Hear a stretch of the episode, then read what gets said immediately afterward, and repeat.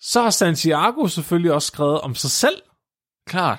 Santiago er en stærk karakter og leder. For helvede. Han er meget intelligent og selvsikker. Vi bringer en advarsel. Den følgende podcast handler om vanvittig videnskab. Al forskningen, der præsenteres, er 100% ægte og udført af professionelle. Mark og Flemming står ikke til ansvar for eventuelle misforståelser, men minder jeg om, at de altid har ret. Husk at være dumme.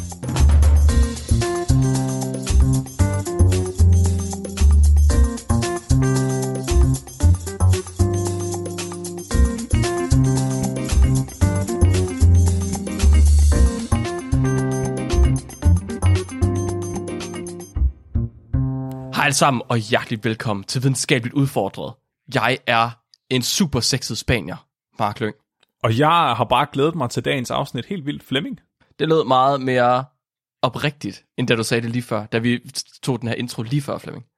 Det er, det, Du lød meget mere ligesom en lille skoledreng nu. Jeg er ret sikker på, at du ikke har tænkt dig at være en lille skoledreng i dagens afsnit. det, jeg føler mig som en lille glad skoledreng. Åh oh, nej, hvad så? Jamen, vi skal jo tale om, om sexbåden. Vi skal tale om Santiago.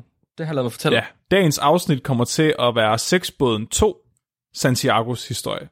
Og Santiagos jeg historie. gik i gang med at forberede det her afsnit for 6 uger siden. Øh, Wow. Og jeg har 12 siders talepapir i dag, som er sådan over det dobbelte af, hvad jeg oftest har. Hold op, det er en all-nighter, det her, Ja, kan jeg høre. ja Mark er syg i dag. Skal, jeg, skal jeg hente forsyninger? Proviant? Et eller andet? Hold da op, så ved man sagt, hvad det bliver for afsnit. Jeg, jeg er bare klar. Altså, det, jeg, det, Fuck, jeg har jo faktisk øl, de står lige ude foran hoveddøren. Mm. Lad mig lige drikke min te, så henter jeg okay, ja, du får også brug for den lidt senere i hvert fald. vi holder en pause midt i det hele. Det, ja, vi holder lige det bliver ligesom live-afsnit, det her. Ja, ja, vi skal lade hente en bajer.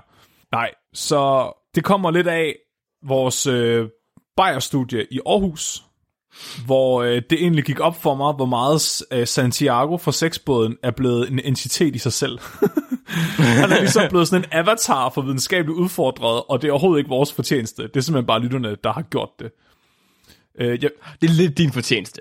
det ved jeg ikke rigtigt. Jeg, jeg synes ikke, at, at han er en tilbagevendende karakter i podcasten. Åh, oh, nej, okay. Ikke ofte. Det er sket et par gange, men jeg vil sige, den karakter, du lavede ud af Santiago, den er meget mindesværdig, vil jeg sige. Okay, så jeg, jeg hørte afsnittet på vej hjem igen fra Aarhus, fordi jeg var sådan, okay, der må være et eller andet med det afsnit, og vi kan også se det, det der har hørt flest gange. Mm-hmm. Øh, og det er vores afsnit nummer 53, og jeg vil virkelig anbefale, at man hører, lige får genopfrisket det, inden man hører det her afsnit, fordi der, der kommer til at refereres meget til, til det første, til 53 afsnittet. Men det er næsten 100 afsnit siden, Mark. Ja, fuck, det er vanvittigt. 100 afsnit siden. Ja. Det her, Det er næsten to år siden. Hold nu op. Ja. Og alligevel, så da jeg fik en lille, jeg fik sådan en, en lille hæklet øh, Santiago-dukke af Selina, hende der tegn, vandt mm-hmm. fishøn-konkurrencen. Og jeg, der havde den med hjem, og mine børn så dem. Og min børn, altså, min yngste søn er på alder med Santiago-afsnittet. Han er to år gammel, ikke? han er to år gammel, og han kigger på den, og så siger han, det er Santiago. Ikke med den stemme, vel? Ej, men det er Santiago. Nå, okay, Ja, ja, okay. Jeg skulle lige sige, det ligner ikke, det lyder ikke som dine børn. Nej, så jeg tænkte, okay, nu, vi bliver, der er, jeg føler sgu, at vi er nødt til at vende lidt tilbage. Fordi da jeg hørte afsnittet, så, så, øhm, så gik det op for mig, at jeg sagde, at Santiago faktisk skrev en bog om turen. Mm-hmm. Men at jeg kunne ikke få fat i bogen på det tidspunkt, og den for var på spansk. der er sket det i mellemtiden, at... At Flemming har lært spansk. Nej, okay, det har jeg, det har jeg prøvet. Det kan jeg ikke. Øh, jeg fa- den, den har været oversat til engelsk. Og den Okay. er så blevet scannet ind og lagt op på Internet Archive. Ah. Og det er en version, hvor der står sådan, den har kostet 2 dollars i en eller anden Goodwill. Klistermærke sidder stadig på, på forsiden, og der er, alt, der er en gut, der er siddet og tegnet i, i den og sådan noget. Så det er virkelig sådan en bog, der bare er blevet smidt ud og givet væk, og derfor kunne du ikke få fat i den. Men nu har jeg læst den. Og nu siger du, at jeg har lavet en karakter ud af Santiago. Ja. Efter at have læst bogen, kan jeg fortælle dig, at det er ikke en karakter. Fordi at det er ægte. Den parodi, vi har lavet på Santiago, er ikke engang lige så overdrevet, som han var i virkeligheden. Slap af. Slap af. Åh oh, nej. I dag der skal vi gennemgå sådan noget behind the scenes, Santiagos øh, beskrivelse af, hvad der ledte op til sexbåden, Og der er nogle ekstra informationer, vi ikke fik med i den oprindelige historie. Vi skal snakke om hans perspektiv på nogle af de store kriser på båden. Ja, Hvor, mm-hmm. Vi ved jo, hvordan alle deltagerne har beskrevet, hvordan de var ved at blive sejlet ned af et krydstogsskib, og Santiago han bare stod, Hallo! I må ikke sejle ind i os! øhm, den, den, den historie kan vi få fra hans perspektiv også. Og det er som om, den ikke helt stemmer overens med det, de el- 10 andre deltagere sagde. Nej, det er klart. Og så skal vi snakke om hans resultater. Fordi en stor del af bogen handler om de resultaterne af de undersøgelser, han har lavet. Ja, hvor fedt. Dem kunne vi ikke få fat i sidste gang. Nixon. Sådan. Ja, så jeg har bare knappet en øl op, og øh, er egentlig bare klar til at sidde og hyggesnak om Santiago og sexbåden i 12, indtil vi er færdige. Jeg er klar. Jeg er så klar, Flemming. Santiago beskriver selv sexbådseksperimentet sådan her. Akali-eksperimentet er hverken udelukkende et eksperiment eller historien om en båd. Det er et modigt eksperiment om menneskets adfærd på et flydende laboratorium. Sladderbladene kunne ikke lade os være. Freud sagde, at sex er verdens motor. Vi viste, at det var misundelse mod andre menneskers sex.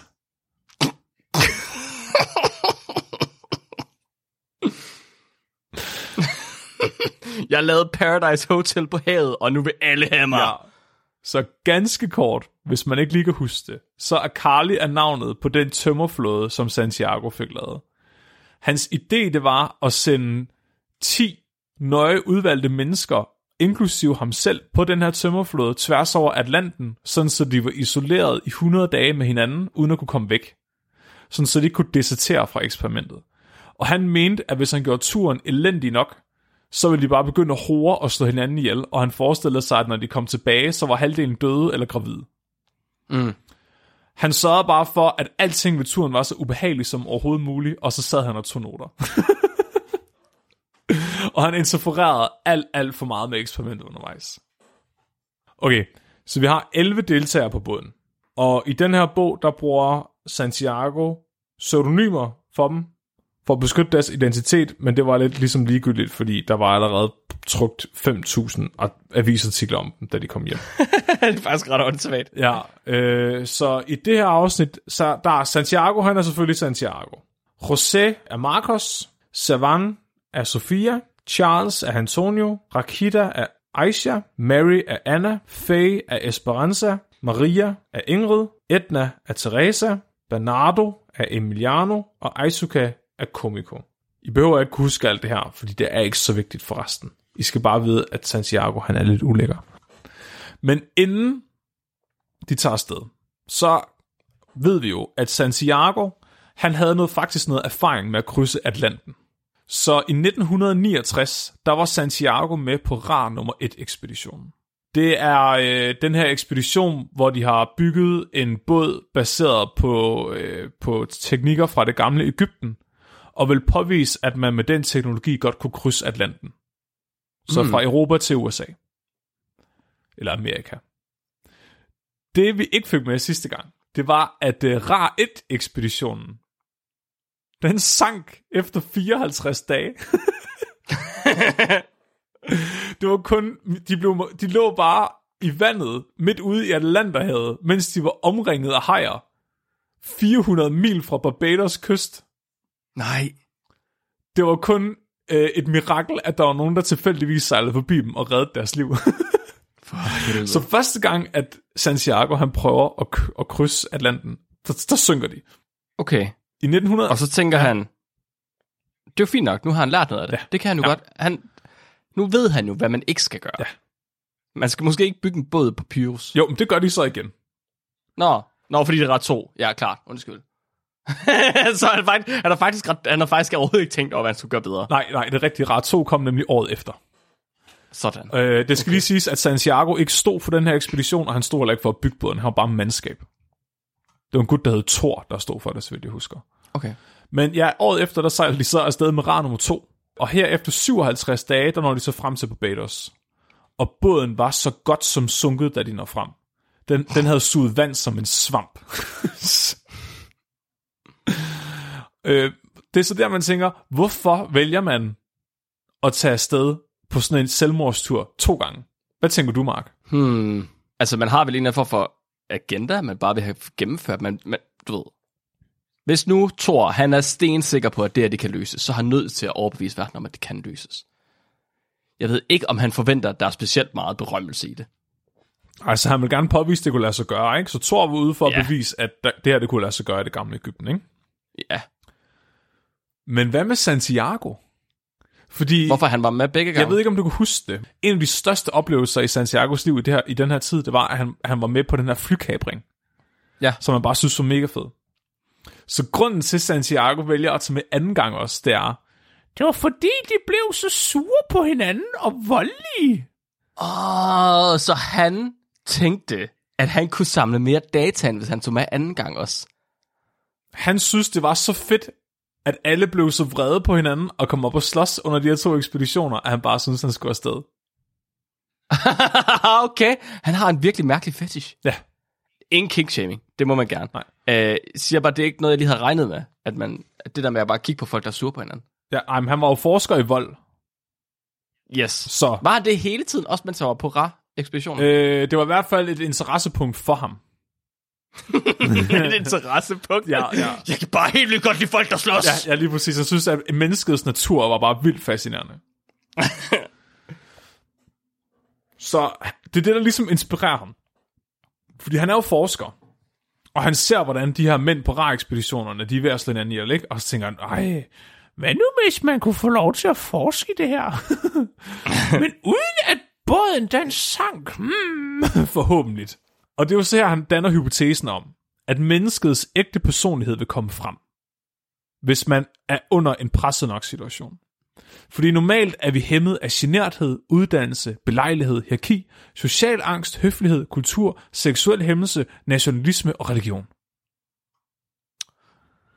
Han det- tænker, hvis han kan pille alle de lag af, så kommer menneskets sande, sande jeg frem. Hans kollegaer, de hører om hans idé. han, han har den der spæde idé om at, øh, at tage nogle mennesker og sætte på sådan en ekspedition, og så forske på dem Mm-hmm. de andre forskere, de hører om den her idé, og så siger de, Santiago, er du fuldstændig sindssyg. Du kommer til at ødelægge de her menneskers liv, og deres ægteskaber, og muligvis slår du dem ihjel. Mm. Så det, der svarer Santiago, en mand dræber en anden mand hver 20. sekund ved vold. Han mener simpelthen, at den her forskning med sexbåden, den er så vigtig, at den er afgørende for menneskets overlevelse.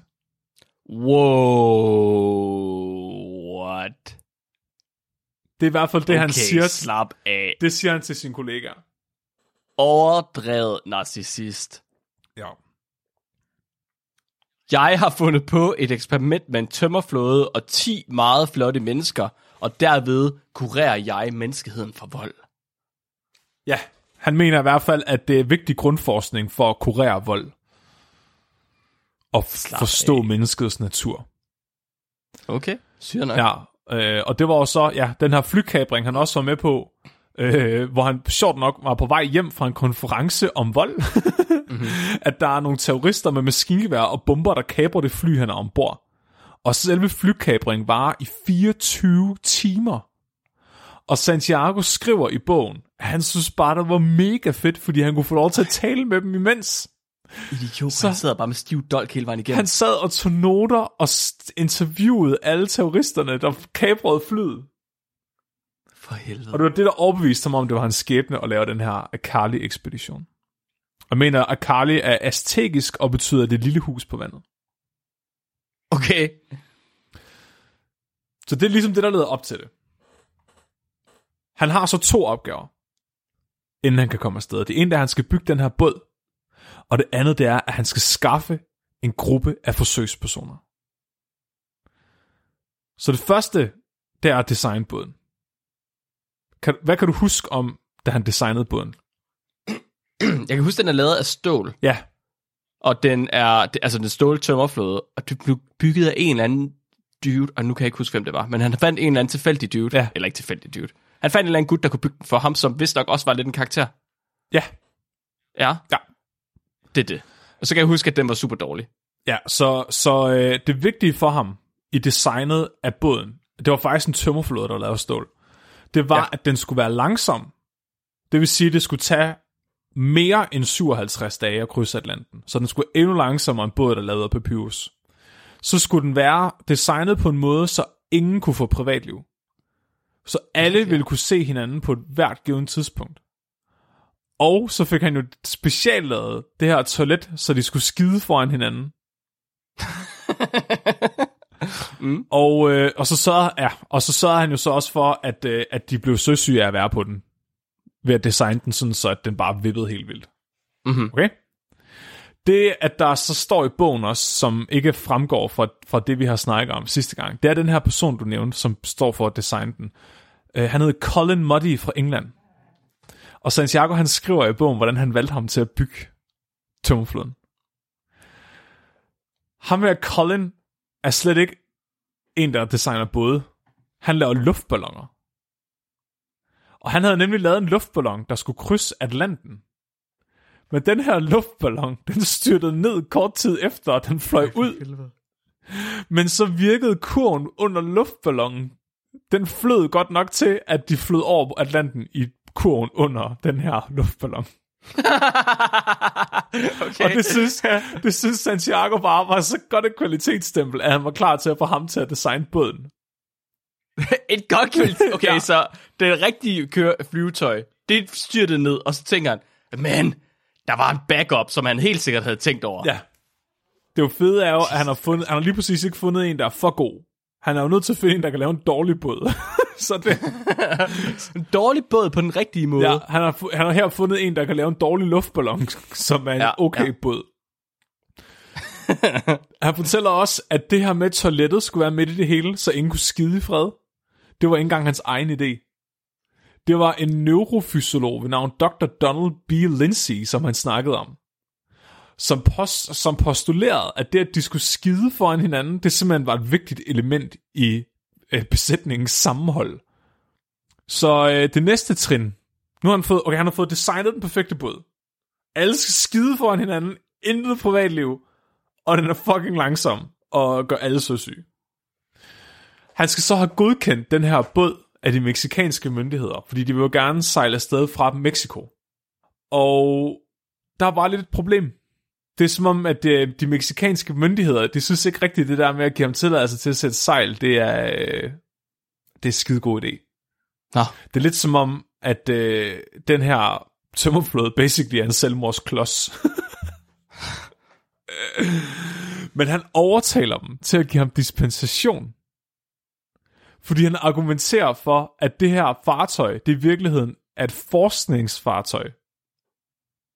Og fordi det er et forskningsfartøj, så skal det jo ikke godkendes som et skib. okay. Og det går de kraftedeme med til. Jesus Christ, okay. Og det er så her, Santiago han beskriver, hvordan Ingrid, så den her kvindelige kaptajn, han har fået med, hun har fået verdens første kvindelige kaptajn, og, øh, og hun var egentlig med på grund af hendes ekspertise, og ikke fordi hun var fucked up på den måde, han gerne ville have, hun skulle være. Ingrid, hun er gået med til det her på mirakuløs vis. Og hun, hun bryder i gråd, da hun ser tømmerfloden første gang. Og så er det, at Santiago, han skriver flere steder i bogen, der skriver han ligesom sådan en dialog. Som om, altså, som han, men han har jo skrevet bogen flere år efter ekspeditionen. Mm-hmm. Så det er, hvordan han husker alle samtalerne. Ah, ja. Ja. Mm-hmm. Hvad er der galt, Ingrid? Har du fået dårlige nyheder hjemmefra? Ingrid svarer ham ikke. Senere på dagen siger hun, det er farligt at sejle sådan her. Det burde ikke være lovligt. Og så siger Santiago, ifølge Santiago. der er ingen regulering af eksperimentelle fartøjer, Ingrid. Hvis alle tænkte ligesom dig, så vil vi aldrig udvikle os som samfund og lære nye ting. Wow, what the fuck? Så det er ligesom forudsætning for at komme afsted. At, at han får overbevist øh, kaptajnen om, at det faktisk er lovligt. At, øh, at det ikke er et problem, det, at, at lovlighed At det- slet ikke er en del af det her. Lille, ja, okay. At loven ikke gælder videnskab. Ja. Øhm, og det er så her, vi skal til at snakke om besætningen. Og det tænker jeg også, det er meget rart lige at få genopfrisket lidt, hvem det egentlig var, der var med på turen. Så den her bog, den starter på en måde, som jeg ikke særlig tit ser bøger starter. Jeg har set en bog starte på samme måde en gang før, og det er en bog, der hedder Politik blandt chimpanser. Og jeg tror, det er meget normalt i de her adfærdsbiologibøger, at man ligesom har en tabel i starten. Og i adfærd blandt chimpanser, eller politik blandt chimpanser hedder den, undskyld, der står en liste over alle chimpansernes navne, og så bare lige en synopsis om, hvem de er. Sådan så når man læser om adfærdsbiologien, så kan man referere tilbage. Det er måske lidt ligesom i Game of Thrones, hvor, øh, hvor man kan se slægtstræet øh, hos alle karaktererne, så man kan finde rundt i bogen. Ja, Santiago har været så sød at lave en tabel i starten af bogen, hvor der står en kort opsummering af alle deltagerne på båden. okay. Jeg vil lige læse nogle af dem højt for dig, Mark, hvis du lige har brug for Ja, en genopfrisker. Ja, tak. Så vi har Ingrid, som er den her 30-årige kaptajn fra Sverige. Ingrid, hun er skilt. Hun græder hele tiden. og har mange smertefulde bumser på numsen. Ej, hvad? Det er det, der står om Ingrid. Hvad? Ja! Det står i fucking omslaget på bogen. What the shit? Det er det eneste, han har skrevet om Ingrid. Og det sjove er jo, han hader jo Ingrid. Under hele Ja. turen, der er Ingrid, hun, Ingrid og Santiago er bare rivaler. Så Santiago, han sviner bare Ingrid til i hele den her bog. Hver gang han får mulighed for det, så skider han bare på hende. Hold kæft, mand. Og det siger der står, hun er skilt, ikke? Men det var jo fordi, Mhm. hendes, hendes, hendes øh, mand eller kæreste gik fra hende på vej ud fra havnen. Da de er ved at sejle ud fra havnen, der ringer hendes mand til hende på båden over deres øh, kommunikationsanlæg og siger sådan, ja. har du læst kontrakten? I kontrakten, der står, at du skal give din sjæl til Santiago. og sådan, hvis du ikke kommer tilbage nu, så er det slut. Og så ender det jo så med, at de går fra hinanden. Nå, det er sådan der. Og det er også sjovt, fordi hun, hun er også, altså, hun hader virkelig Santiago, og en af måderne, hun straffer ham på, det er, at hun svarer dårligt, altså hun skriver muligt lort i, i spørgeskemaet. Så jeg tænker måske, det der med, at hun har mange smertefulde bumser på numsen, er i virkeligheden bare noget, hun har svaret for fuck med ham. Fucking idiot, Men det er så det eneste, han vælger at nævne. Der er også Aisha fra Algeriet. Hun brækker så meget, og har virkelig slemme menstruationssmerter. Hun bløder rigtig meget, når hun har menstruation. What? Det er det, der står om hende. Det er også det er alle de mest objektive øh, parametre, han ligesom har Ja. ja. fokuseret på Ja, her. Det vil sige, man ved virkelig, hvem de er nu, ikke?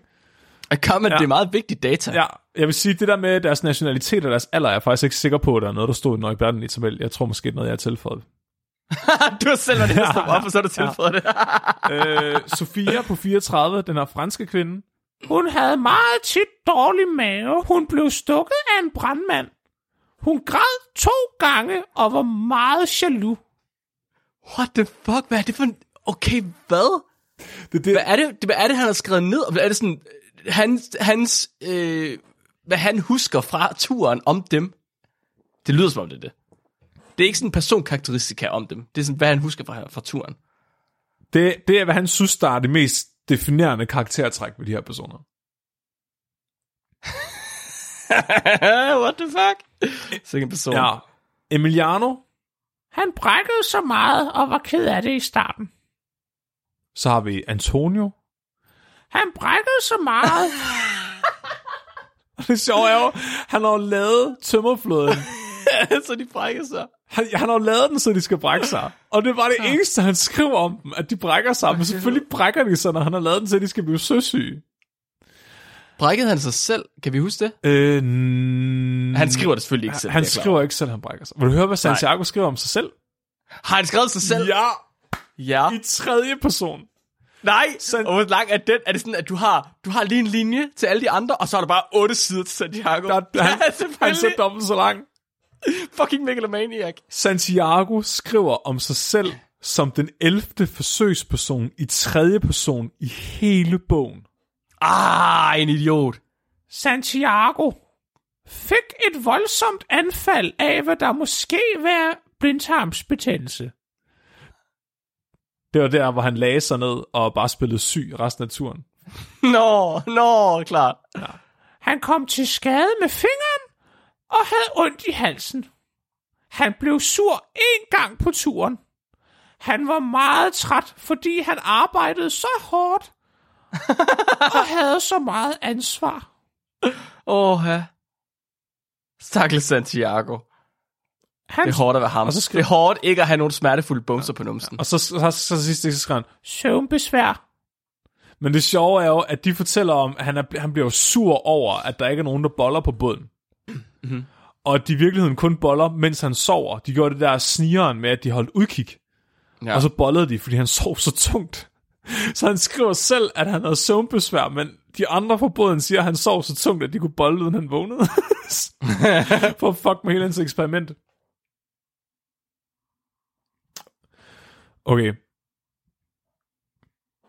Han skal finde de her forsøgspersoner. Hvordan er han endt op med det her dream team med folk, der brækker sig og har menstruation? Mhm. De rykker jo den her annonce ind i avisen. Og de får 1326 breve eller telefonopkald fra folk, der gerne vil deltage fra hele What? Verden. Hvad? Hvilken avis? Alle mulige aviser i hele verden. De, de vil jo, de vil jo have, de har, det er jo et internationalt hold, så alle har en, der er, kun, der er to amerikanere med, men ellers er alle andre en unik nationalitet. Hvordan? Hvor, undskyld, nu afbryder jeg igen. Mm. Hvor, hvor, hvor fanden fik han alle de penge fra til det her? Jeg kan ikke huske, om der gav ham bevillingen. Det lyder fuldstændig sindssygt. Han har fået penge til at bygge tømmerflod. Okay, det er måske ikke den bedste tømmerflod i verden. Men så har han også fået penge til at sætte avisudklip i hele, altså i aviser i hele verden, og flyve folk ind fra hele verden. Ja. Jeg kan ikke huske, om det... vi snakker om, hvor han fik pengene fra. Sindssygt. Ja. Det er ret sjovt at læse om Santiagos proces i at udvælge de her personer. Så vi ved jo forvejen, at han gik meget op i, at der skulle være lige mange mænd og kvinder. Han gik op i, at kvinderne skulle være frugtbare, fordi det handlede om, at mændene skulle konkurrere om frugtbare kvinder. Mm-hmm. Han gik meget op i, at de skulle tale forskellige sprog, men at de selvfølgelig, det var okay, de kunne snakke på engelsk, ikke? Men så gik mm-hmm. han også op i, at de skulle være forskellige raser. Altså sort, hvid, asiat og så videre fra Mellemøsten. Fordi mm-hmm. så mente han, at det gav, det gav anledning til flere konflikter. Så sandsynligheden for, at de voldtog slå hinanden ihjel, der var større. Og så sørgede han også for, at kvinderne var langt mere kompetente end mændene til alting. Ja. Så det var, lidt, det var noget af en opgave, han havde. Men han ledte, han ledte åbenbart også efter nogle bestemte personlighedstræk. Og det er lidt, det er lidt fucked, men det kommer vi til. Men han beskriver selv, at der er utrolig mange tosser, der ringer til ham. Eller, eller maniacs, se, øh, hvad hedder det, sexual maniacs, altså folk, der bare gerne vil, ja, måske, måske skulle han have taget dem i stedet for. Og så eventyr. Men han vil gerne have øh, i gåsøjen almindelige mennesker, som bare ikke har nogen anelse om, hvad de gik ind til. Nå. Han, han siger specifikt, at han vil gerne have, at de ikke ved, hvad det, hvad det, er, hvad det er, at de ikke forstår, hvad det er, de siger ja til. Hvad havde han skrevet i de der avisudklip? Det handler om et eksperiment om verdensfred. Det var basically mm. det, han havde Mm. skrevet meget kort. Okay. Og det er så, at de skulle krydse Atlanten i, i den her båd. Det Santiago han gjorde, det var, han fløj personligt ud til alle internationale frivillige i deres eget hjemland og besøgte dem i deres hjem og interviewede ikke kun deltagerne, men også deres familie og venner. Okay. Men det var jo ikke kun dem, han, altså det var ikke dem, han endte med. Han gjorde det med mange flere. Det var hans udvælgelsesproces. Okay. Så Santiago, han kommer lige pludselig bare og banker på. Hallo? og så bor han fandme hos dem i flere dage. Hvad? Jo, Okay. okay. ja. Santiago, han flytter ind hos dem i flere dage for at vurdere, om han synes, de er egnet til at komme med på turen.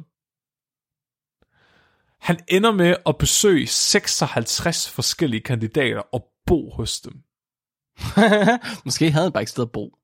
Ja, det kan også være, at han bare var hjemløs. Ja. Ah, hvad skal vi have til aftensmad? Må jeg godt lave pølser ude på jeres toilet? Hvad er det noget godt toiletpapir, I har? Skal ikke have hemorrider? Hvis han godkendte dem, så blev de så vurderet af en læge og en psykiater. Og øh, de ender med 15 kandidater. Ud af de her 15 er der jo så 10, der ender med at tage med, inklusive ham selv. Øh, han spildte åbenbart, han skriver sådan, på, altså det tager flere sider i bogen, hvor han bare sådan brokker sig over, hvor mange personer han har spildt tid på. Øh, han siger for eksempel, en spansk elitesvømmer, som var fire måneder gravid, gerne vil med på turen. øh, en araber, som ikke kunne alligevel, fordi han kom i tanke om, at han blev søsyg. Og en, vietname... en vietnameser, der blev så skræmt af at se tømmerflåden, at han stak af. Okay. Ja. Shit. Han skriver også selv, øh, han er meget, meget stolt. Han noterer, øh, jeg havde godt nok to amerikanere med, men det var så, vi kunne få en i hver farve. Det giver nemlig tit konflikt mellem amerikanere. Oh, wow. Ja. Så hvis vi skal referere tilbage til tabellen, så har vi den hvide amerikaner Anna. Hun kom til skade med foden og fik fodsvamp. Hun havde meget seksuel frustration.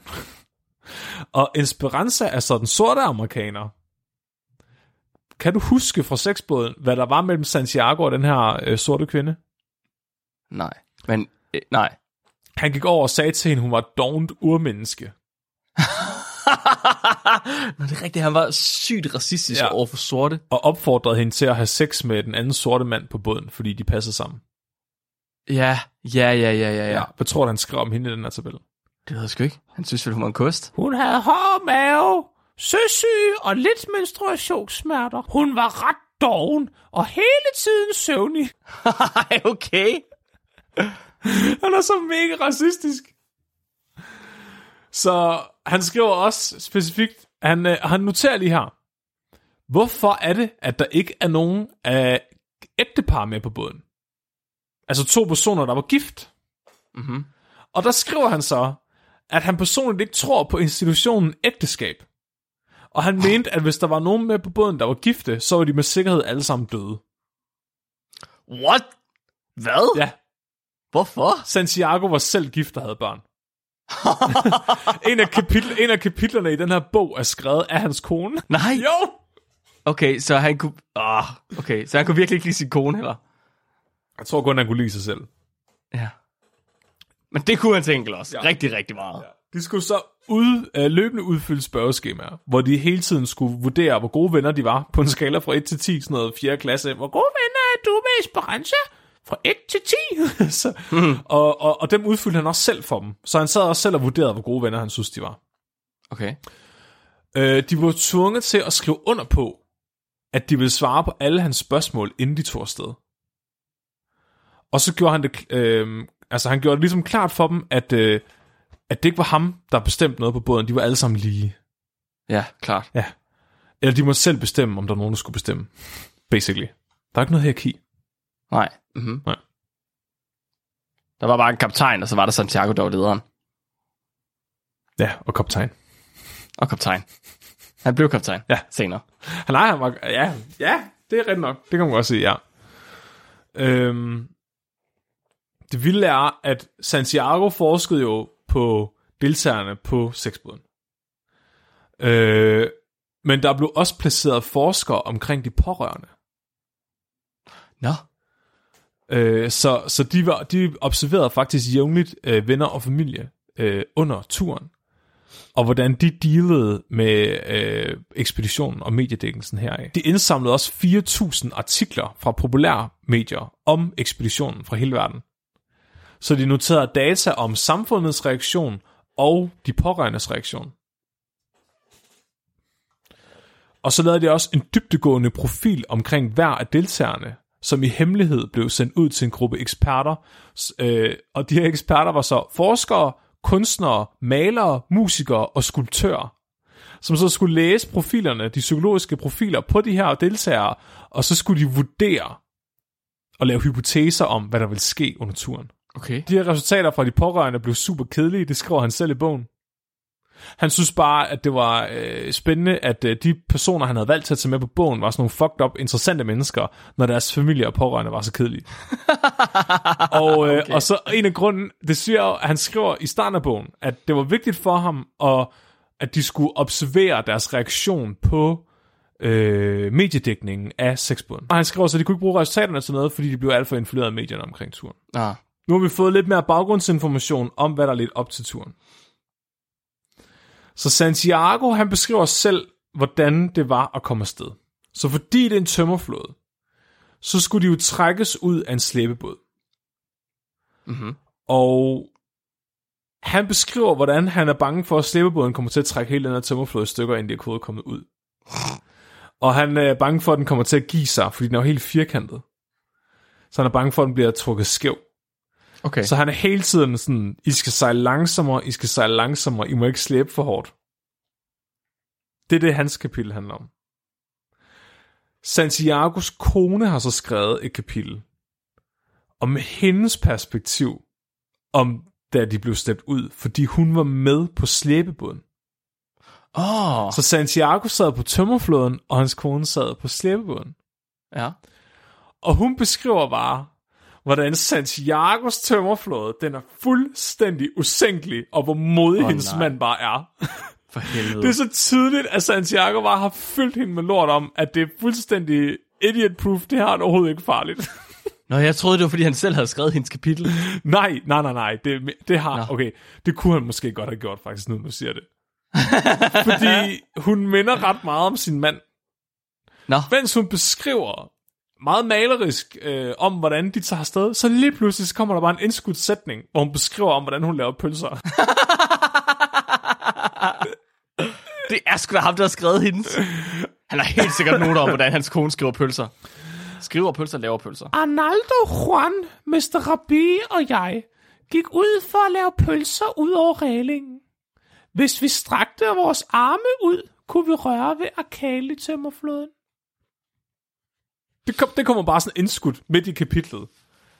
Og så fortsætter hun. Der var den her konflikt imellem Ingrid og hendes kæreste, Knut. Fordi Knut læser Ingrids, så vi ved fra Ingrids perspektiv, hun har jo fortalt, hvad der skete, fordi hun, hun kunne svensk. Så, så øh, Santiagos kone beskriver bare, hvordan han begynder at råbe helt på svensk. Og der er ikke nogen af dem, der ved, hvad han siger. Men han er op hele natten og råbe. Og at, at Ingrid og, og, og ham der, de bliver bare ved med at skændes. Okay. Øhm, ifølge Ingrid, så fortæller han jo, at han har læst kontrakten, hvor der står, at hun skal give sin sjæl til Santiago, ikke? Ja.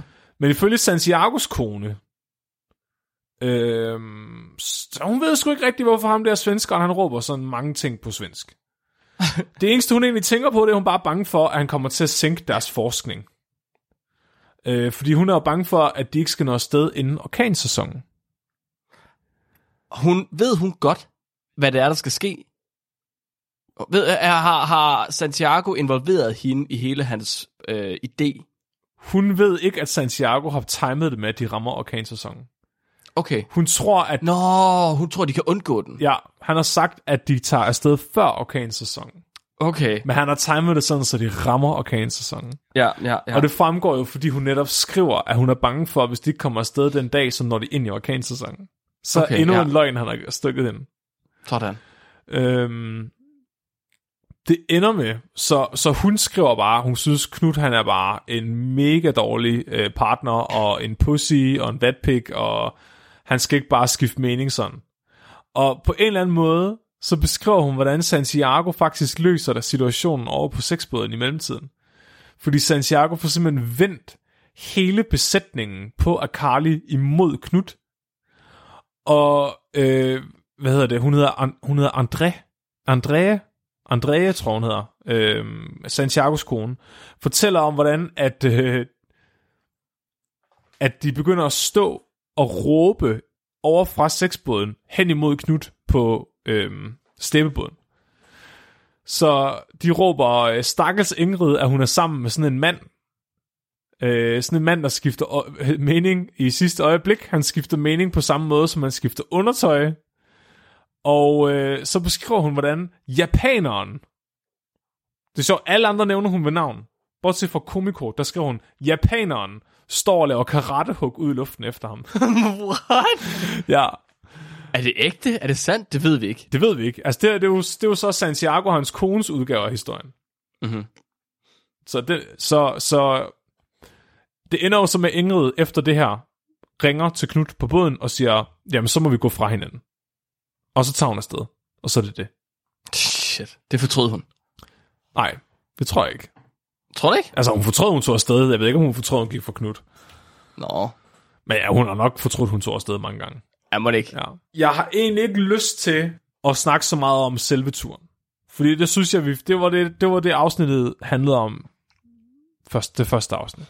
Mhm. Øh, jeg synes, der er to ting, der er interessante at snakke om.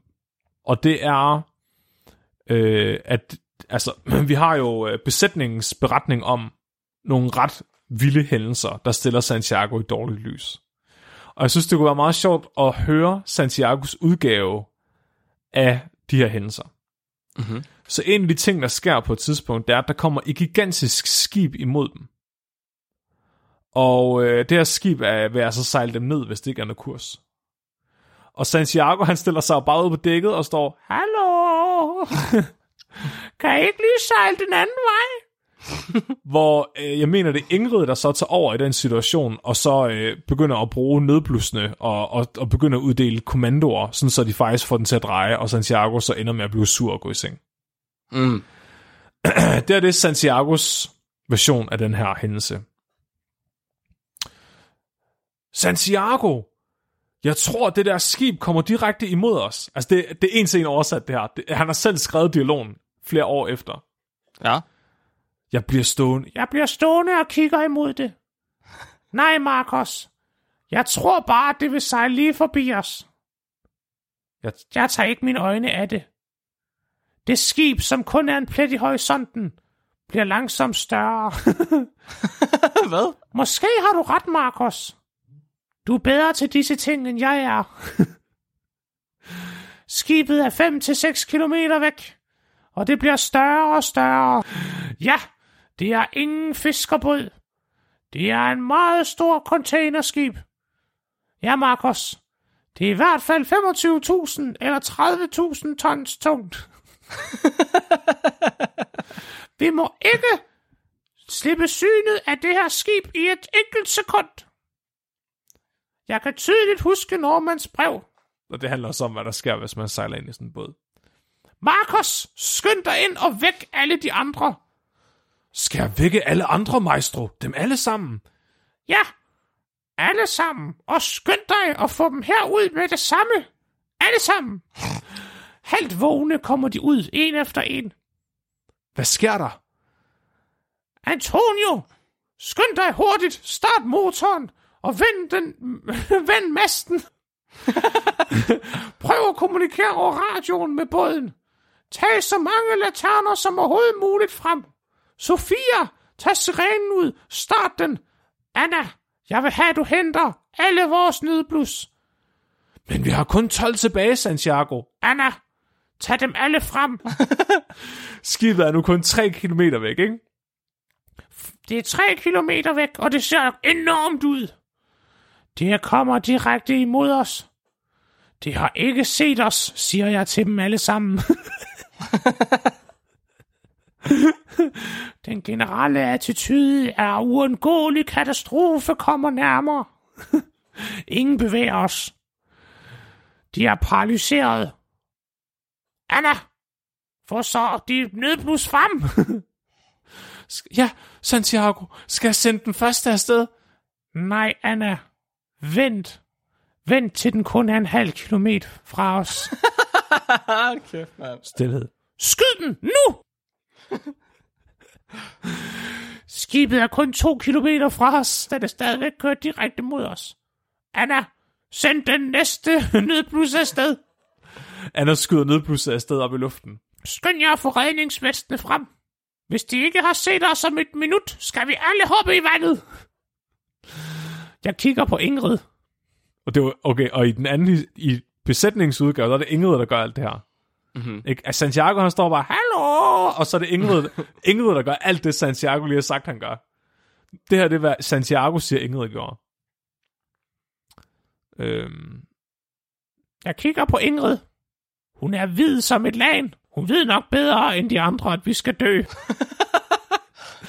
Hvis de ikke ser os i 10 sekunder, så giver jeg ordre til, at vi alle skal hoppe ned i vandet og svømme mod sikkerhed. 500 meter før. Langsomt og dovent begynder skibet at dreje. Det er kun 20 meter fra os, da det endelig passerer. Det cirkulerer rundt om os og stopper ved siden af os. Besætningen råber, om der er noget, vi har lø- om der er noget, vi mangler, og jeg råber tilbage. Ja, at de holder bedre øje en anden gang. okay. Og det er jo så efter det her, Mark, at uh, Santiago får akut blindtarmsbetændelse. Ah, det er rigtigt. Fordi i, ifølge de andre, så bliver Santiago så deprimeret og nedtrykt efter det her, han bare ligger sig ned og er syg. Ja. Han siger jo sig selv lidt blindtarmsbetændelse. Det er jo sjovt, det er, det er jo sådan noget, man dør af, hvis det ikke bliver behandlet. Ja, ja, ja. Men, Det er øh, jo- men det det, er var, det jo. det er passeret. Og, øh, Først, den første øh, blindtarmsbetændelse, der gik over sig selv. ja, ja, ja. Og han, også, øh, han giver dem øh, alle sammen spørgeskemaer efter det her. Kort tid efter. Hvor de øh, skal udfylde spørgsmål om. Og det, det er en af de improviserede spørgeskemaer. Hvor han simpelthen beder om, at de skal skrive, hvad de vil gøre uden ham på båden. så han kan læse om, at hvor vigtigt de alle sammen synes, han er. Yes, ja. klart. Okay.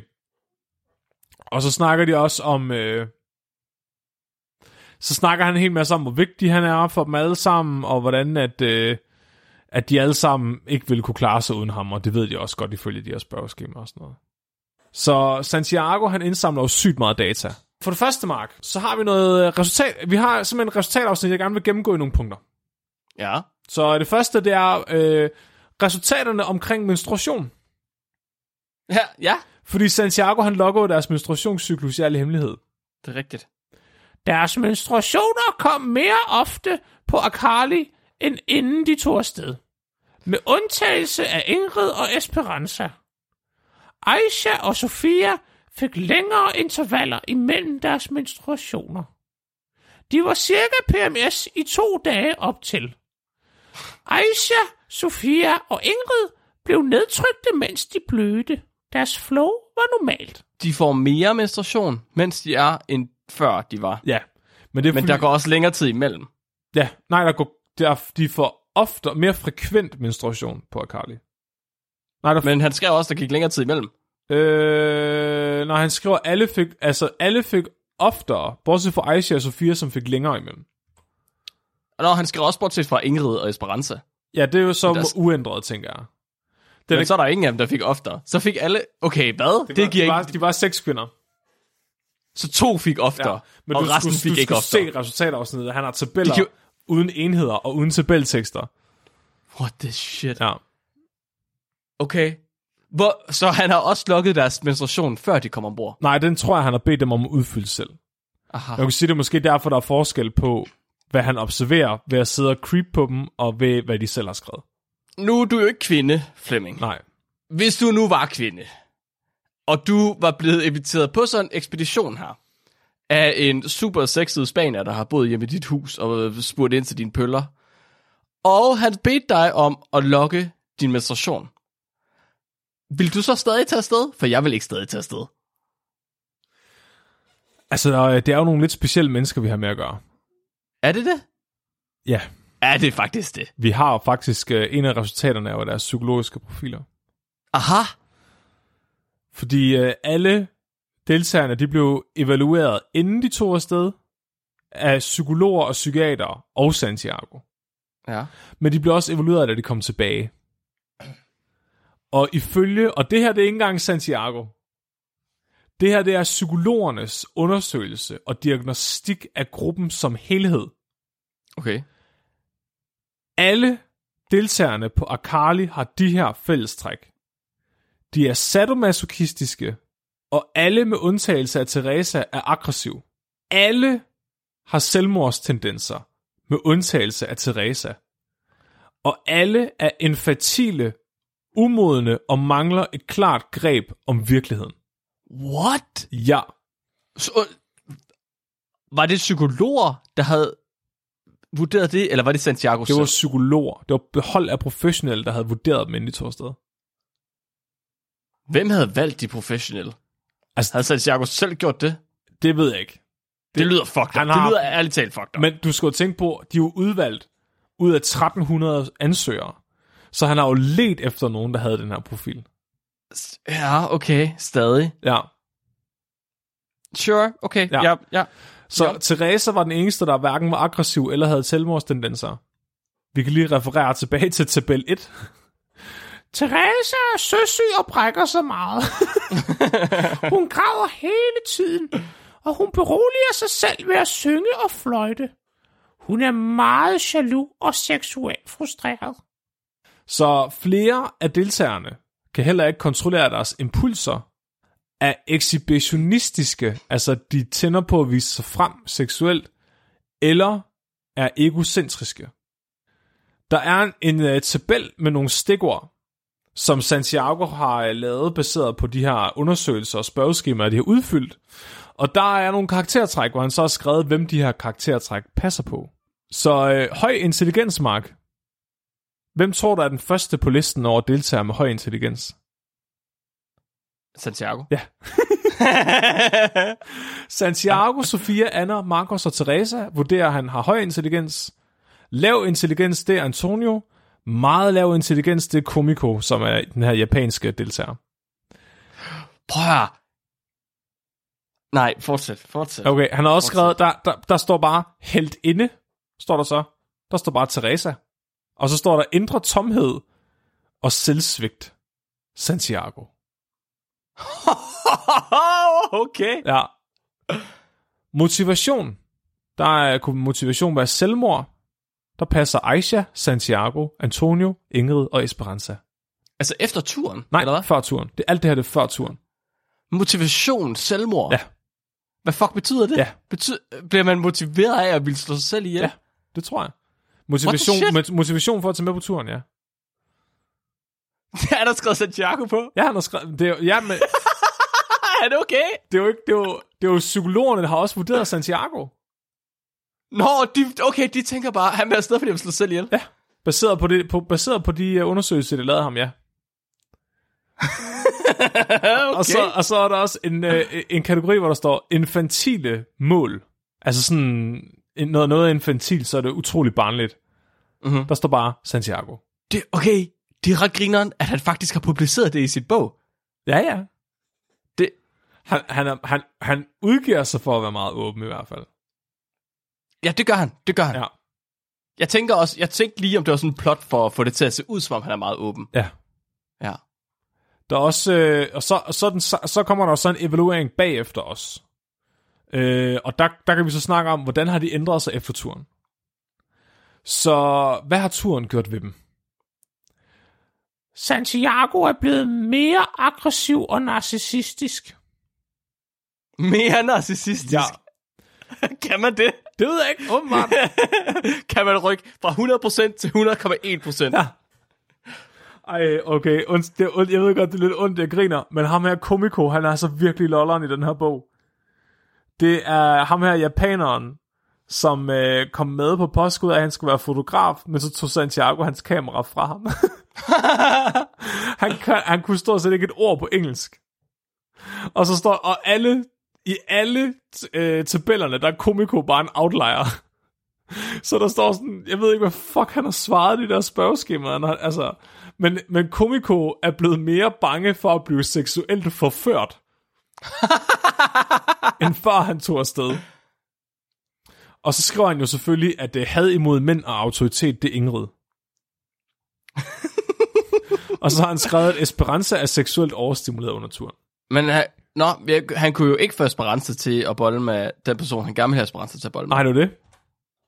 Men hvordan har hun så seksuelt overstimuleret? Det kan være, at hun blev overstimuleret af at se på alle de her nøgne mennesker. Klart, sked. uden selv at gøre noget. Ja. Ja. ja. Det er klart. Bas- Santiagos, undskyld, Santiagos øh, racisme og sexisme og alle andre ismer, han har, de, det lyder som om, de kan bare gennemsyre de her resultater. Jeg er slet ikke, altså, jeg, det skulle ikke undre mig, hvis det, der er sket her, det er, at Komiko for eksempel ikke har kunnet et ord engelsk. Og derfor så har Santiago bare sådan, "Nå, så er han dum. Det er jo klart. Og så har Komiko, når han der skulle svare på spørgeskemaet, så har han bare skrevet tilfældige ting, eller krydset tilfældige bokse af, og så er det givet et eller andet sindssygt profil for ham. Ja. Det er virkelig også nogle gange, det jeg tror, fordi det ligner bare, at han har krydset alting af på nogle af dem. Ja. han aner ikke, jeg tror, det er sådan, han kom med på turen. Han bare sådan, yes. Jeg vil godt, jeg vil se sexbåden fra Komikos Ja, ja. Øh, perspektiv. Men det er også sjovt, fordi han er med i den dokumentar, der er lavet, og der kan han vist heller ikke særlig meget engelsk, selvom det er mange, Okay. mange år efter. Øhm, så jeg tror bare, han har sagt ja til alting, og endt på den der båd, og bare været forvirret, og bare sådan sagt ja til alting hele vejen. Hvad laver jeg her? Ja, og var sådan, ja, i 100 dage været fanget der. Bas, ja, baseret på data fra 5.819 annotationer, han har gjort sig under turen, og 14 individuelle spørgeskemaundersøgelser laver han følgende vurdering af deltagernes personlighed. Så det vil sige, det her det er kun data om personlighed. Det er ikke data om alt Ja. det andet. Det er ikke skidning og sex og sådan noget. Og jeg vil gerne lige komme med nogle highlights her, okay? Så Aisha for eksempel, der skriver han, Aisha er smuk og fløtende. Selvsikker, men svag, hvilket er godt, når man flytter. Ej, hold kæft. Hun er god til at få venner, men mest fordi hun gerne vil være på alles gode side. Hun er opportunistisk og selvoptaget. Kun to af de andre deltagere vil tage hende med på turen igen. Fem vil gerne være venner med hende for evigt. Så har vi jo så selvfølgelig øh, Ingrid. Nej, undskyld, vi tager Marcos først. Marcos er Santiagos egen tidligere studerende, han har taget med på turen. Okay. Så ham kan han godt lide. Marcos er intelligent og opfindsom. En fantastisk arbejder, der sammen med sin ansvarsbevidsthed gjorde ham en god kandidat til at være leder i Santiagos fravær. Han var den mest aggressive, men hans stærke karakter, kærlighed og humor gav ham mange venner. Fire ville være hans ven for evigt. Hvad tror du, han har skrevet om Ingrid? Åh oh, nej. Det er det en videnskabeligt værk, den her bog, Mark. Det er et videnskabeligt værk. Det her, jeg, jeg har ikke engang, det her det er ikke highlights, det er den fulde psykologiske profil, han har lavet, baseret på spørgsmålet der. Okay, jeg vil godt lige have et hint først. Ja. Hvor mange vil være venner med Ingrid for evigt? Øh, ingen. Uh, så okay. Jeg tror, han har været ret negativ om hende, uanset hvad. Men han har garanteret sagt, at hun er bange for mænd, og hun er bange for autoritet. Eller sur på mænd og sur på autoritet. Jeg tænkte bare, at han ville prøve at forklare det noget mere. Du ved, bortforklare det noget mere, hvis nu er folk, de vil være venner Det med. gør han faktisk flere steder i bogen. Hvordan. Okay. hun bare... Ja, okay, hvis han skriver... Ingrids værste svaghed er hendes manglende kompetencer og usikkerhed. Oh, wow. Et verdens første kvindelige kaptajn. Ja. Hun var kold, indadvendt og var ikke gode venner med nogen. Hendes svage karakter gav hende ofte nervøse sammenbrud. Hun havde den værste mande- og damevenskab på hele båden. Kan vide, hvem det var med? Kun én person ville tage hende med igen. Ingen ville være venner med hende for evigt, og ingen bad hende om at stå på vagt. Så har Santiago selvfølgelig også skrevet om sig selv. Klart. Santiago er en stærk karakter og leder. For helvede. Han er meget intelligent og selvsikker.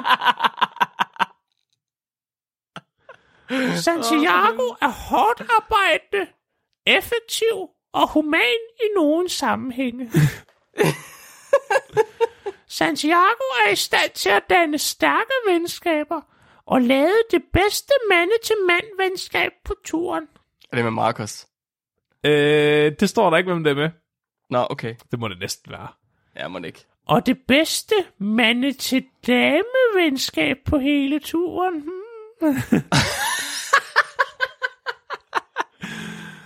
Nogle gange blev han lidt dominerende og autoritær. Alle bortset fra en vil tage Santiago med på turen igen. Har han bare fabrikeret det der data? Nå, men han- de fortalte jo om nogle gange, at han blev sur, hvis de ikke svarede det, han ville have. Nå. For eksempel, hvis de kritiserede ham eller båden, så blev han vred og skældte dem ud. Okay. Santiago blev hele tiden bedt om at stå på vagt med de andre. Men det er jo ikke det her, vi er interesseret i, Mark. Nej, det er overhovedet ikke det, vi er interesseret i, Flemming. Det er jo slet ikke det, det handlede om. Hvad er det for noget data, vi gerne vil have? Ja. Det ægte spørgsmål, som bliver stillet i det her studiemark, det er, hvor meget gokkede de?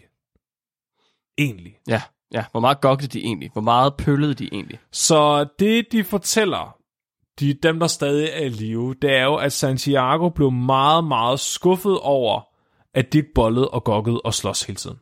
Ja. Og ifølge dem, så fik han aldrig noget af det, han ville have. Men Santiago, han skriver alligevel. Fordi han har åbenbart bedt dem om, ikke kun at fortælle dem om deres menstruationscyklus, inden de tog afsted, men hvor meget de gokkede. Hvorfor er de taget afsted? Dem, der gokkede, inden de tog afsted, fortsatte med at gokke på båden. Ej, for helvede. De gjorde det cirka med samme frekvens. En tredjedel af gangene, så tænkte de på en anden på båden, mens de gokkede. Kun én af deltagerne Det er så Santiago selv. havde regelmæssigt våde drømme inden turen.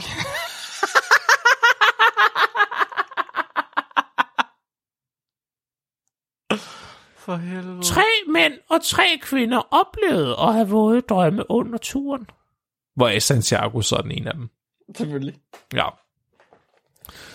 Hvor meget bollede de? Det var lidt, det var lidt, det, var, det vil jeg sige, det var nok det afsnit i bogen, der, der forvirrede mig mest. Fordi jeg havde jo et indtryk af, at der ikke var nogen, der bollede, mens Santiago han så det. Ja. Og Santiago han skriver også, han er ked af, at der ikke var lige så meget sex på turen, som han havde forventet. Og han mente nok, at det var blandt andet var fordi, at, at livet i byen stimulerede dem seksuelt på en anden måde end livet på båden. Han havde egentlig også haft en teori om, at de ville have orgier, men det skete ikke rigtigt. Heller ikke selvom alle tit var nøgne på båden. Altså det var de jo ligesom nødt til. Fordi de, de kunne ikke være nogen steder, uden man kunne se hinanden hele tiden. Mm. Og så pointerer han også selv, at det måske ikke hjalp, at de var nødt til at lave pølser foran hinanden. Han mente, at det måske gjorde dem en lille bitte smule mindre liderlige. I gennemsnit, inden de tog afsted på turen, så bollede damerne i gennemsnit 17 gange om måneden, og mændene bollede 4 gange om måneden. Aha. Undtagelse af præsten, fordi han levede celibat. Klart. Også på båden? Ja. Ah. Til gengæld var præsten en af de første, der viste sig nøgen foran de andre. Så han har også fundet nogle damer, der er meget seksuelt aktiv, Mm-hmm. kan man sige. Og nogle mænd, der ikke er så meget. Efter to måneder var der to par, som bollede på båden. Komiko og Anna. Og Sofia og Santiago. Ej. Nej, så han havde det bedste kvindeforhold. Han Santiago... kendte ikke noget til nogen af de andre, der bollede. Nej, ikke, øh, ikke ifølge de andre på båden. Nej. Eller sig selv. Han har ikke skrevet det. Hvad har han ikke skrevet? Han har ikke skrevet, der var andre, der bollede. Han har kun skrevet de to par. Ja, Santiago, altså ham selv og Sofia, Ja, bollede, præcis. og så Komiko og Anna bollede. Ja, ja, men der var også andre, der bollede, var det ikke det? Jo, men det jo, det jo kun de første to måneder, det her. Nå, okay.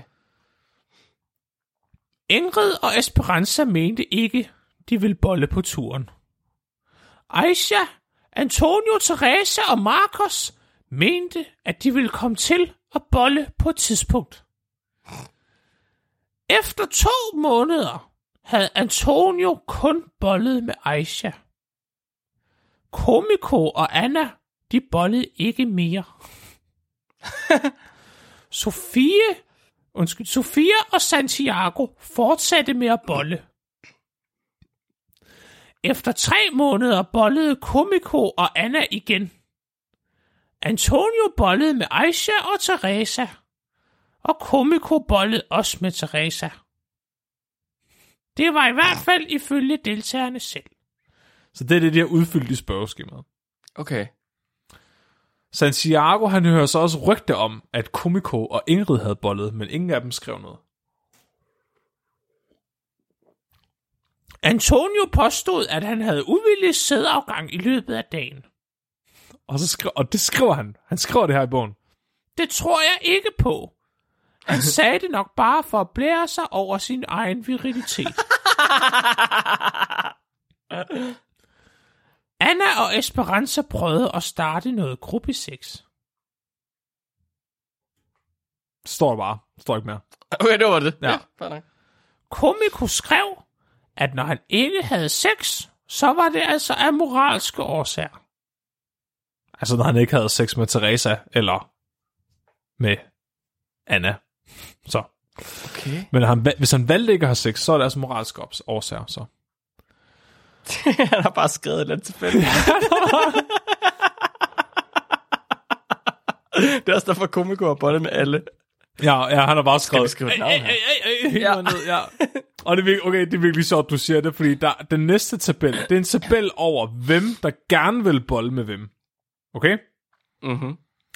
Så for eksempel med Aisha, der vil Marcos, Marcos og Santiago vil sgu gerne, nej, Aisha vil gerne bolle med Marcos og Santiago. Okay. Santiago vil ikke bolle med nogen, står der. Sofia vil gerne bolle med Marcos. Og sådan fortsætter den. Anna vil gerne bolle med Santiago og Marcos. Emiliano vil ikke bolle med nogen. Marcos vil gerne bolle med Sofia. Komiko vil gerne bolle med. Og så står der bare alle. Der står, der står ikke navn, der står bare alle.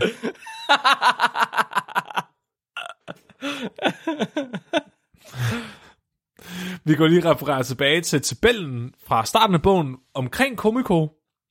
Komiko græd rigtig meget en gang. Og så efter det, så lavede han sådan nogle grædagtige lyde ret tit. Selvmordsforsøg? Spørgsmålstegn? Jaloux? Seksuelt frustreret? Tænker på at dræbe nogen? Og det er så her, at Santiago ikke ved, at de alle på båden havde lavet en aftale om, at Komiko skulle dræbe Santiago. Nå, for helvede. Okay. Shit. Stakkels komiko. Han er virkelig bare blevet søndebukken for alt. Ja, de, over, de, andre, de andre ville jo gerne have, at Santiago skulle dø, og så overtalte de Komiko til, at han skulle skubbe Santiago over bord. Okay. Og så er Komiko jo så på en eller anden måde udfyldt, at han havde tænkt på at dræbe nogen, eller også har han bare krydset alting af igen. Griner. Okay. Hvad med resultaterne fra toilettet? Så toilettet på Akali var det her simple bræt med et hul i midten. Som de var tvunget til at sidde med spredte ben foran alle andre på båden og skide. Der var heller ikke noget privat bad eller adskillelse imellem dem, hvor de sov. De første par uger, så lavede de kun pølser om natten. Men så blev det naturligt at lave pølser foran hinanden. Ej, for helvede. Dem, der lavede pølser, snakkede helt naturligt med de andre imens. Alle begyndte at gå i bad og være nøgne foran hinanden. Desværre blev det aldrig til generel nudisme. Desværre. Desværre. Ja. Han, han uddyber så, at han mener, at grunden til, at de ikke blev nudister, det var fordi det var farligt at arbejde med kabler og reb, når man var nøgen. Ah, klart. Så får man hævet penge af. Og så skriver jeg ved ikke, hvor fuck han får det fra. Aisha, Sofia og Teresa var de smukkeste piger. Gammel idiot. De var mest trygge ved at være nøgne. Esperanza, Ingrid og Anna var overvægtige og grimme. Fuck, en idiot. Hold De- kæft, hvor er han dum. De var mest blufærdige. Og det var sjovt, når man ser et billede. Altså, det passer bare ikke. Blandt mændene var præsten Emiliano og Santiago de første til at smide hæmningerne. Nej, han er så... Åh, har ødelagt det eksperiment så hårdt. Det var nemt for Santiago, for han havde tidligere sejlet med rar, og det var hans ansvar som leder. At være nøgen. Ja. Ja, klart. Mhm. Åh, ja. Der var også nogen, der gokkede hinanden uden på tøjet. Aisha, Antonio og Anna gjorde det, men jeg ved dog ikke med hvem. Så konklusionen er, alle bollede mindre på båden, end de gjorde før de kom. Ja. Santiago, og det er det, altså det er det i punktform, Santiagos egne konklusioner på hele det her resultatafsnit. Fra et okay. forsøg, der varede 101 dage. Ja. Og samlet et, han har taget ud og boet i 56 forskellige familier verden over for forskningsmidler. For at udvælge de her mennesker. Det her, det er kronen. Det her, det er perlen af data, der kommer ud af det her. Er du klar? Ja. Santiago og Sofia var de eneste, der udviste, øh, hvad hedder det, stærke... Nej, Santiago og Sofia var de eneste, der ikke udviste svage seksuelle interesser. 3. Mændene var mere kredsende, undtagen Krumiko. 4. Kun et enkelt stabilt seksuelt venskab blev etableret. Kan du gætte, hvem, det, hvem, hvem var det, man... Santiago og Sofia. hvad? Sofia, Ja. De løg mere om sex end de andre ting i spørgeskemaerne. Og øh, de gokkede ikke så meget hinanden, selvom de var tæt op med hinanden. Det er forskningsmidler. Når det er bedst, hold kæft, mand. Ej. Jeg håber, at dem, der har givet ham hans penge, at de er meget, meget stolte af sig selv. Ja. Jeg håber, at de læste det der. Fuck. Det er også rimelig ballsy. Det er rimelig hardcore. At gå ud og få forskningspenge og fyre dem af på at rejse hele verden rundt. Så tage ud på den her tømmerflåde, fordi at man hader sin kone og sine børn, for at man kan bolle med nogen af, hvad man kalder for smukke kvinder. Ja. For så at komme hjem og så skrive en konklusion, der er sådan lidt, vi kan ikke sige så meget om den her tur her, udover at jeg havde et rigtig godt seksuelt forhold. Ja, og jeg ikke tror på ægteskab som institution. Fuck, en psykopat. Han, Han jeg, er det mest narcissistiske, jeg nogensinde har hørt om. jeg elsker ham. Jeg synes bare, at den her bog har bevist for mig, at den karakter, vi lavede i det originale afsnit, faktisk er en mildere grad af, hvordan han var i virkeligheden. Ja, ja, ja, ja, du har ret. For han er faktisk så mere lusket, end jeg troede. Fordi du ved... Okay, jeg, jeg har kunnet mærke på dig, at du har været sådan lidt, øh, du, du har manglet øh, overraskelse for mig. Du har manglet, at jeg reagerede mere på det, han gjorde. Ja. Men jeg tror, det er fordi, at jeg havde også internaliseret Santiago som værende din karakter. Så når du siger, at han havde resultat om deres pøller, så tænkte jeg, nej, selvfølgelig, fordi Santiago kigger på folk, der pøller. Ja, ja. Altså, det, det er måske derfor, jeg ikke har reageret lige så meget, som du nok havde forventet, at jeg ville reagere. Ja, ja. Fordi jeg tænkte bare, nej, det er da sådan, han er. Ja, selvfølgelig. Selvfølgelig. Vi har faktisk bare jinxet den. Ja, vi har, ja, præcis. Du havde faktisk, du havde, du, du kaldte den for tidligt. Ja, jeg har jinxet den med at gå og lade, som om jeg var, var ham i to år, uden at vide det. Okay. Måske har jeg bare kanaliseret hans, øh, hans øh, sjæl. Jeg vil sige, en ting, der kom bag på mig, Ja. øh, udover at der faktisk var nogen, der bollede på båden, ifølge Santiago, inklusive ham selv, fordi det var der Mhm. mm-hmm. ikke nogen, der sagde i den her dokumentar, for eksempel. Men det er, at han er mere lusket, end vi lige regner med. Fordi de fortæller jo om, hvordan at de øh, havde det her system med, at de stod vagt om natten ved roret. Og at der så var en, der holdt vagt med, at Santiago sov, mens de, en, der holdt roret, og så en anden, der bollede. Så Mm. du ved, der var nogen, der bollede, Ja. mens de holdt roret.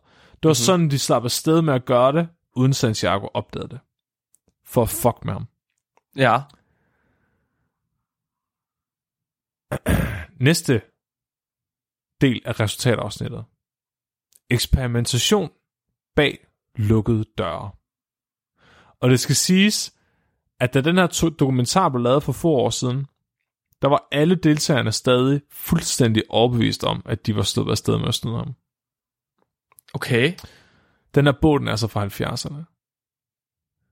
Da vi nåede Karibien fra klokken 9 til 10.15 om aftenen i 6 dage, arrangerede jeg, at en ville stå vagt. De fem mænd og kvinder roterede jeg over disse dage, sådan at efter seks dage ville alle have været alene i en time og 15 minutter, uden at blive set af de andre. Med havets høje lyde og nattens mørke vil de have privatliv. Santiago har det, det var ikke det der system med at stå vagt. Det var et eksperiment, Santiago stillede op for at se, om han kunne få dem til at bolle. Men de troede, at de bare greb situationen og snød ham. Det er fandme lusket. Han skriver så, De havde været fire muligheder. De kunne være sammen i stilhed. De kunne tale sammen. De kunne bolle. Eller de kunne gøre alle tre ting på én. Inden dette eksperiment startede, var der en seksuel energi i luften. Der var syv tilfælde, hvor begge parter ønskede at bolle ifølge spørgeskemaet. Tre af dem var med komiko. Og det er så, det er så fucked up, fordi de har holdt vagt med ham. Han har bare lavet, som om han sov. Fuck, man. En af gangene bollede de, og fire af gangene gokkede de hinanden gennem tøjet. Hvordan har han kunne vide det, hvis der var en, der holdt øje med, at han sov? Altså, så har han kunne høre det. Han har kunne høre, at de har visket med hinanden. Han har kunne høre, det her, det lyder, det her, det lyder som over the close. Det er, det, det er lige at råbe og knuppe lidt på buksebenet. Det var, hvad han kunne bekræfte. Ja. det er fucking Fuck, crazy. Ja. Fuck, han er vanvittig. For at slutte af her, så har vi øh, Santiagos egen afslutning på historien. 101 dage til søs var ikke nok til at nedbryde samfundets hjernevask. Hvor er Santiago efter Akali? I en tilværelse, hvor både livet og døden er mere levende. Og med 10 nye venner, selvom de ikke alle tror på mig.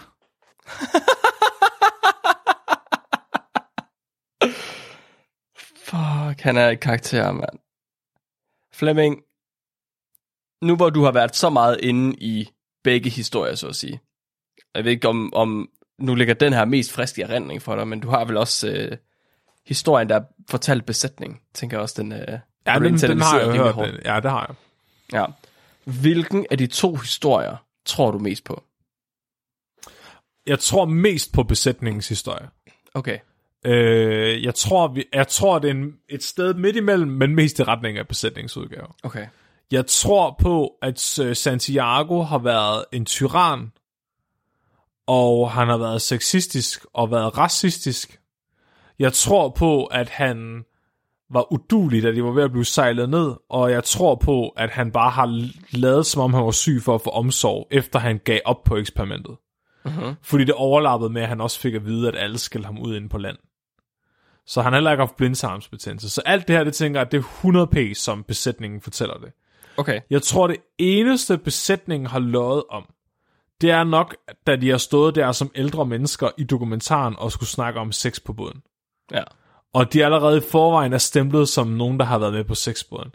At de mm-hmm. så ikke har indrømmet, at de har haft... Altså, de indrømmede, at de havde sex ude ved roret i smug i dokumentaren. Men, men der er ikke nogen, der snakker om, at Santiago og Sofia har sex.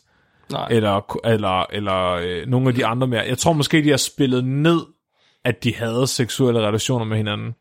Men det tror jeg også, det er det eneste, de har gjort.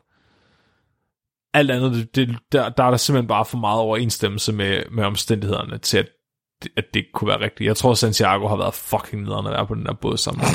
Jeg tror, du er fuldstændig ret i. Cool, Flemming.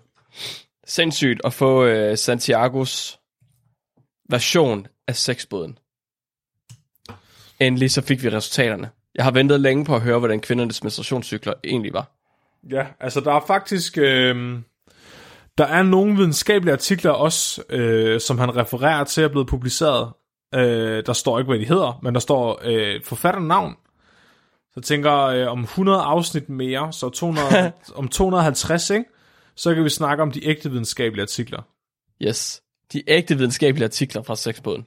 Sindssygt, Flemming. Du klarede det godt i dag, Mark, selvom du har været ved at dø. Jeg synes ikke, jeg var ved at dø. Jeg ved ikke, hvorfor du... Jeg synes ikke, der var sådan. Du er bare aldrig syg jo, men nu har du fået børn, så velkommen i klubben. Det, det passer slet ikke. Det er så meget Flemming, derfor. passer slet ikke. Du- Hvis jeg ikke havde sagt noget, så har du ikke lagt mærke til noget. Dagens lytterspørgsmål er sendt ind af Julie.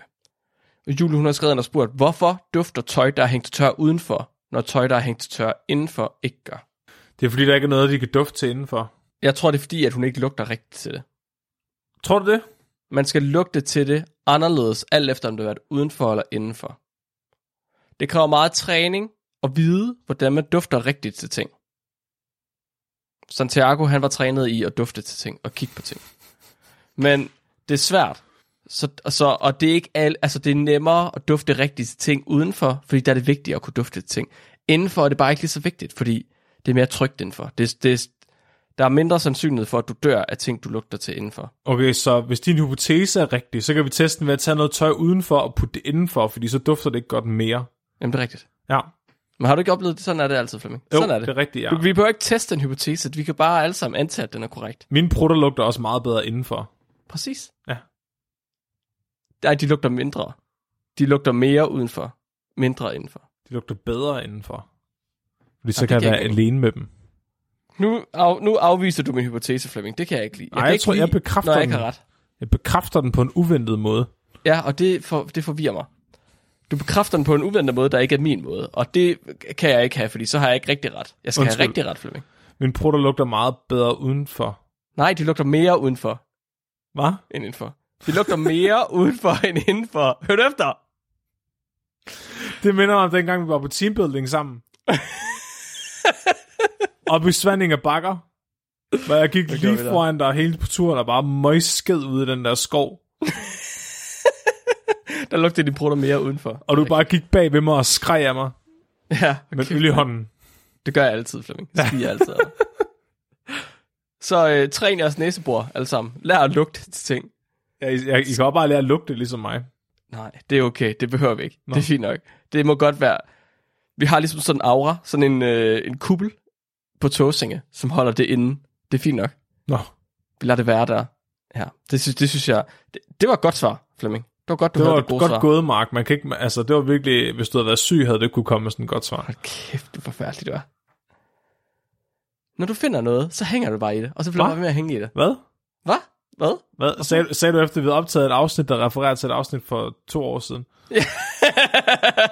God pointe. Kommer aldrig videre. Vi får aldrig lavet en ny karakter, der er bedre end Santiago. Nej, det er også lige meget, vi kan bare blive med Malcolm. Ja, det Igen tror og igen og igen. Det er vores meget liderlige Mickey Mouse. Vi laver en ny plakat med Santiago. Det er mm. vi nødt til. Mere Santiago. Ja. Kan vi sælge de der filtdukker? Uh. Kan vi ansætte Selina til at lave filtdukker på samlebånd? Ja, Ja, det bliver vi det nødt til. Det, det tror jeg også, vi gør. Ja, Det er jeg faktisk ret sikker på, at det bliver vi nødt til. så hvis man hiver den i tissemanden, så skriger den om videnskab. Ja. Så siger den, uh, det er ret behageligt det der. Det skriver jeg lige et spørgeskema om. Ja, og hvis man tager den med og laver pølser, så reagerer den på lugtene, og så begynder den at snakke til dig. Hvad spørger den om? Du, har du husket at spise fibre?